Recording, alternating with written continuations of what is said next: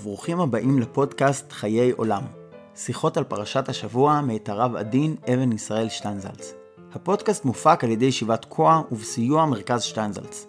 מרכז שטיינזלץ עושים דברים חשובים ומגניבים בתחומי היהדות והחינוך ואתם יותר מוזמנים ללמוד עוד ולהצטרף לפעילות הענפה בלינק המצורף לתיאור הפודקאסט. תודה שאתם איתנו. האזנה נעימה.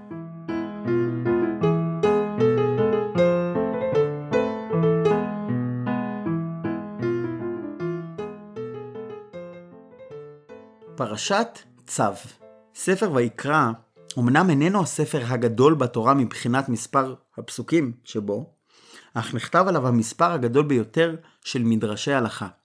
כמעט על כל פסוק ופסוק בספר, למרות כל החזרות שיש בו, יש מדרשי הלכה. לדוגמה, על הפסוק כחטאת כאשם תורה אחת להם, יש תילי תילים של הלכות. אחד הפסוקים החשובים בפרשתנו הוא והנותר מבשר הזבח ביום השלישי, באש יישרף. ואם האכול יאכל מבשר זבח של עמיו ביום השלישי, לא ירצה. המקריב אותו, לא יחשב לו. פיגול יהיה, והנפש האוכלת ממנו, עוונה תישא. מצד ההלכה, פסוק זה הוא חשוב מאוד. חלקים ניכרים של מסכתות זבחים ומנחות עוסקים בדינים היוצאים ממנו. ונראה שאי אפשר לאדם ללמוד כמה מסכתות בגמרא מבלי להיתקל באחד המושגים שיוצאים ממנו. דין פיגול.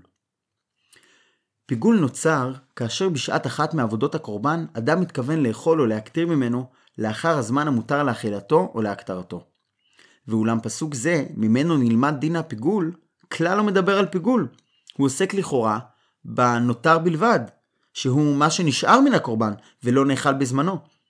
אלא שהלימוד לעניין פיגול בנוי על המילים לא יחשב לו, ומשום כך הפיגול הוא פסול שבמחשבה, וכל כולו הוא עניין של כוונה. כדי להפוך קורבן לפיגול, אדם לא צריך לעשות שום מעשה, די בכך שהוא חושב על כך. במבט ראשון נראה הדין משונה מאוד. איזו מין עבירה היא זו? יכול להיות לו לאדם יצר הרע לכל מיני דברים, אבל למה לכהן לרצות לפגל זבח? הרי אין בכך שום צד של הנעת הגוף, ואף לא של הנעת הנפש. אז איזה מין יצר הרע זה? בפועל, לא ידוע לנו שום מקרה של כהן שפיגל קורבן. בשביל לעשות זאת צריך אדם להיות גם תלמיד חכם, גם כהן וגם רשע. אולם בספר עמוס, הנביא מוכיח את ישראל. בואו בית אל ופשעו, הגלגל, הרבו לפשוע, והביאו לבוקר זבחכם, לשלושת ימים מעשרותיכם, וכיתר מחמץ תודה, וקראו נדבות השמיעו. זו בוודאי לא הזמנה רצינית, אלא תוכחה על חטאים שנעשו שם. הוא מוכיח אותם. בקורבן תודה, אתם מקטירים את חלת החמץ, במקום לתת אותה לכהן. במקום להקריב את הזבחים בזמנם, אתם מקריבים אותם לשלושת ימים. מדוע ירצה אדם דווקא להקטיר את חלת החמץ שבתודה, או לזבוח זבחים לשלושת ימים? האם הם עושים את זה רק כדי להכיס? בדרך כלל, ורואים זאת גם היום, כאשר אנשים עושים את מה שהם קוראים שינויים ותיקונים, יש בדבר איזה צד של הנאה או של נוחיות שהם מרוויחים מהעניין, וכיוצא בדבר יש לשאול על התוכחה לשלושת ימים זבחיכם. מה, מה העניין בזה? את התשובה לכך, הקשורה גם לאש התמיד המוזכרת בתחילת הפרשה, אפשר למצוא בפסוק אחר בפרשתנו. וכל מנחת כהן כליל תהיה לא תאכל. סביב הפסוק הזה יש הרבה מאוד דיונים, אך מכל מקום עולה ממנו בבירור שהכהן איננו אוכל את מנחתו שלו. מנחת הכהן נשרפת כולה, לרבות השיריים שלה. הטעם הפשוט לכך הוא שאדם אינו יכול גם להקריב קורבן וגם לאכול אותו. כשאדם מישראל מביא מנחה, יכול להיות שאת רובה יאכל כהן, אבל האדם שהביא אותה, הביא עיסרון שלם. אילו היה הכהן אוכל את המנחה של עצמו, היה זה כאילו הוא עצמו נתן משהו לקדוש ברוך הוא, ואחר כך ישב ונהנה ממנו, וזהו היפוכה של מהות הקורבן. הקורבן עומד במהותו על עצם הנתינה. ונראה, אם כי זה לא לגמרי פשוט, שככל שהקורבן מקודש מחברו, כך הולכת ופוחתת ההנאה שיכול כל אדם ליהנות ממנו. הקודשים הפנימיים הולכים לגמרי לשרפה, וככל שהם נעשים קודשים קלים יותר, כך ההנאה לנותן מרובה יותר. עד שמגיעים לבכור, למעשר ולפסח, שהם הקלים שבקודשים, ובהם אוכל המקריב את רוב הבשר. העולה, במהות, היא קורבן שכולו לאש. אדם מביא עולה באחד משני אופנים.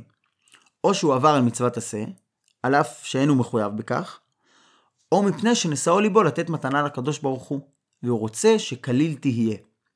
בנוסף, גם גר שמתגייר, מלבד המילה והטבילה, מביא קורבן של עולת העוף.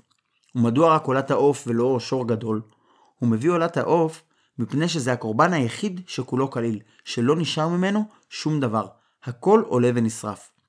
בעולת בהמה, לכהן יש איזו טובת הנאה, הוא מקבל את האור.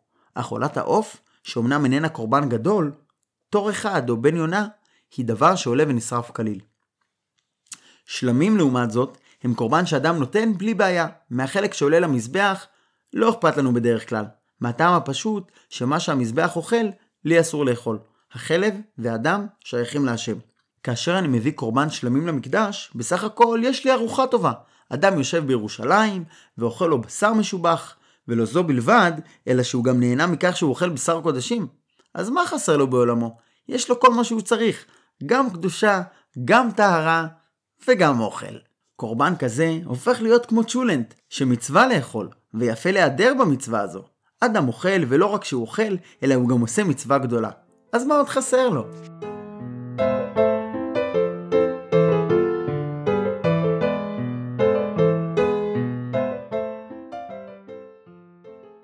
מהסיבה הזו, יש בתוך דיני קורבנות אלמנט נוסף, והוא דיני פיגול ונותר, המקציבים את הזמן לאכילת הקורבן. דיני פיגול ונותר באים בעצם על מנת שהקורבן לא יהפוך להיות סוג של משחק, שלא אוכל לעשות מהאכילה הזו פיקניק. בשביל לקצץ בעניין הנוחיות, יש לנו הגבלה של זמנים. ולכן לאכילת קורבן תודה, שאדם עושה במצב רוח טוב, מוקצב זמן קצר במיוחד, רק יום ולילה. כיוון שקרה לאדם נס, והוא רוצה להודות להשם, מה הוא עושה? הולך לבית המקדש ומקריב קורבן. אלא שאז הוא צריך לגמור אותו כמה שיותר מהר, מפני שאם לא, הבשר ייפסל בתור נותר, ולא רק שאסור לו לעשות את זה, אפילו לחשוב על כך אסור לו. עמוס הנביא בא ואומר, בואו אל ופשעו, הגלגל והרבו לפשוע. מה עשו שם?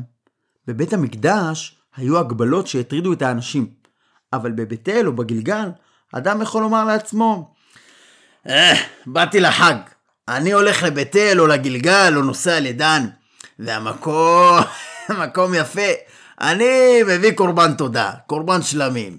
ואם אני כבר מביא, אז אני מביא בהמה גדולה. הכהן ייקח את חלקו, ואני יכול לשבת עם המשפחה ולכולם יהיה מה לאכול במשך שבוע. גדרו של הקורבן הוא לא רק שאין לאכול אותו לשלושה או לארבעה ימים, אלא עצם העובדה שאסור להעלות על הדעת את המחשבה, נו, אני הבאתי קורבן, האם אני לא יכול לצרף לזה עוד קצת נוחיות? זוהי מחשבת הפיגול, שאיננה תלויה במעשה כמו נותר, אלא במה שאדם חושב.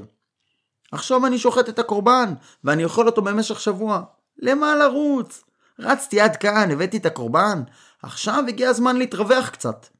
וכך עשו בבית אל, בגלגל ובדן. זה רק הועיל לתיירות ולבתי המלון של המקום. במקום שאנשים יישארו רק שני ימים, הם ישבו שבוע עם הקורבנות. הם אמרו, לשם מה לרוץ? לשם מה ליצור מתח? כשכל הרופאים אומרים שזה לא בריא לגוף. במקום המרוץ הזה, נשנה את התקנה, ואדם יוכל להקריב קורבן בניחותא. אתה רוצה להיות ירא שמיים? תהיה ירא שמיים, אבל אתה לא צריך להיות כל הזמן במתח. אפשר לעשות את הקורבנות בצורה יותר נינוחה. בשורש הדברים, החובה שבהבאת קורבן דורשת גם הסכמה והבנה שיש בכך הקרבה מסוימת. אם כשאדם מקריב קורבן להשם, הוא מנסה להתרווח מתוך יראת שמיים, מה טוב. אם זה מתוך אהבת השם, מה טוב. אבל כשהוא גם מורח יפה יפה את הפרוסה, כאן מתחילה הבעיה. הקורבן עומד על פעילות של הקרבה, שכוללת בתוכה מתח, וברגע שמנסים לשחרר את המתח, הוא מפסיק להיות קורבן כשר. מהצד הזה נעשה גם הפיגול. הפיגול הוא לא סתם קורבן שאדם חושב עליו כל מיני דברים אחרים. זהו קורבן שאדם רוצה שיהיה לו יותר נוח איתו. הקורבן הזה נפגע מעיקרו, מפני שניסו להוציא ממנו את החלק של המתח, ניסו להוציא ממנו את המהות, את השריפה, את הממד של האש שכל הזמן בוערת בו. יש דבר שהפסוק קורא לו זבח משפחה. וכפשוטו זה גם ההסבר של הפסוק, רק העם מזבחים בבמות. אלה אינן במות לעבודה זרה, אלא במות להשם. אז למה הפסוק מתנגד לתופעה? בעצם מדובר על אותו עניין בדיוק. ליד ביתו של כל אחד יש פינה שהיא פינת הקורבנות. אדם יוצא מהבית, רוחץ את הידיים ואומר, נו, ילדים, מה דעתכם לעשות איזה קורבן קטן היום? נקרא לידידים ונעשה שלמים. זה קורבן להשם לכל דבר. שוחטים אותו, מברכים עליו, מזים את הדם ועושים את כל מה שצריך לעשות בקדושה ובטהרה. אבל ברגע שאדם מקריב את הקורבנות הללו בסמוך, ליד הבית, ברגע שהוא אוכל אותם כמה זמן שהוא רוצה, שחלילה לא תלך שום חתיכת בשר לאיבוד, אז הקורבן מאבד את מהותו.